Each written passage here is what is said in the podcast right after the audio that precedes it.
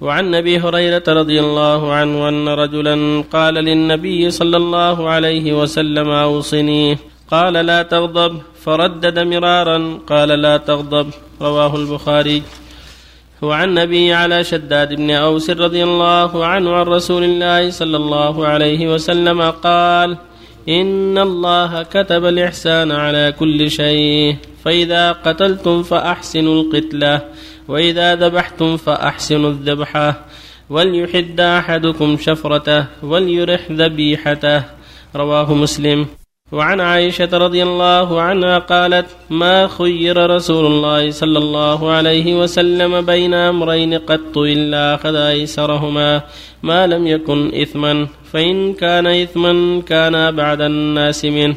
وما انتقم رسول الله صلى الله عليه وسلم لنفسه في شيء قط إلا أن تنتهك حرمة الله فينتقم لله تعالى. متفق عليه. وعن ابن مسعود رضي الله عنه قال قال رسول الله صلى الله عليه وسلم ألا أخبركم بمن يحرم على النار أو بمن تحرم عليه النار؟ تحرم على كل قريب هين لين سهل. رواه الترمذي وقال حديث حسن. بالله التوفيق.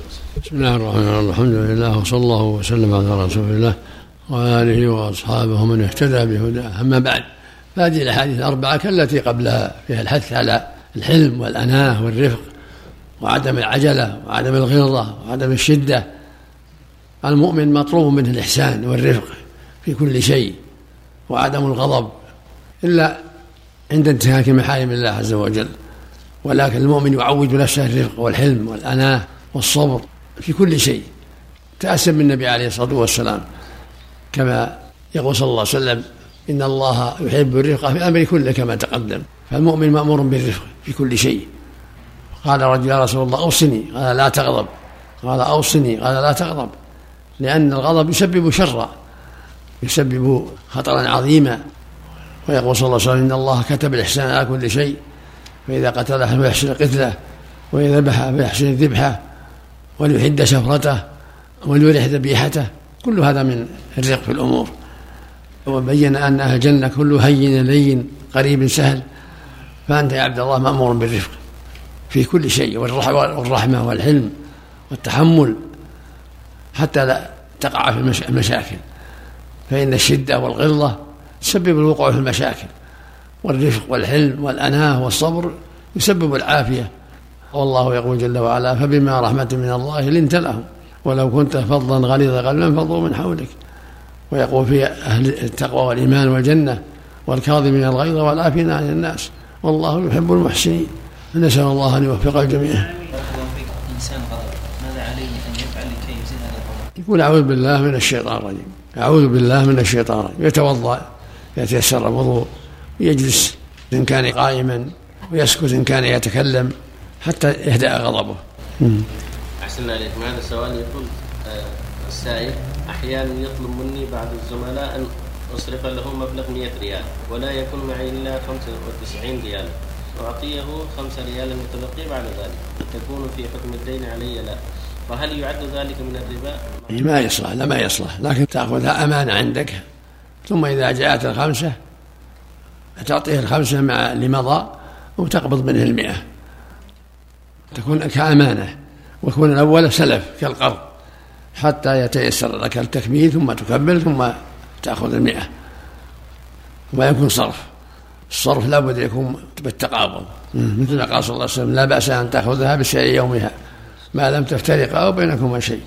أمانة الله يحسن عملك تبقى عندها المئة أمانة. كرهانة نعم. بالنسبة لصلاة الاستسقاء يشرع للمؤمنين أن يرفعوا اليدين؟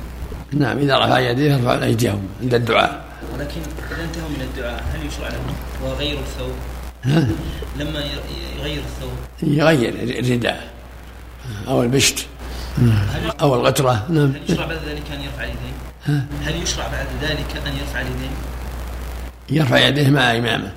الإمام يرفع والمأموم يرفع. كلهم يرفعون. لكن بعد ذلك ما يشرع بعد تغيير الثوب. لا إذا دعا انصرف إلى القبلة يدعو ويرفع يديه. كثير من الأئمة الله يحسن عملك إذا انتهوا مثل خطبة الاستسقاء يتجهون إلى القبلة ثم يدعون والبعض الآخر يغير الرداء ثم يدعي. لا يغير رداءه وينصرف إلى القبلة ويدعو ثم ينزل. هذا هذا هذا السنة نعم. هذا هو الذي رأينا اليوم أستاذ. نعم. يصلي الضحى الضحى. قبل الظهر. قبل الظهر. يصلي ما تيسر كان النبي إذا فاته وجده من الليل قضاه من النهار تقول عائشة رضي الله عنها شفعا لا يوتر. يصلي شفعا ثنتين ثنتين. لا انتهى الأقرب والله أعلم انها الضحى والظهر. اما العصر. لا. كل هذا يقول في الحديث الآخر من فاته حزبه من الليل فقضاه من النهار قبل الظهر فكانما قضاه من الليل.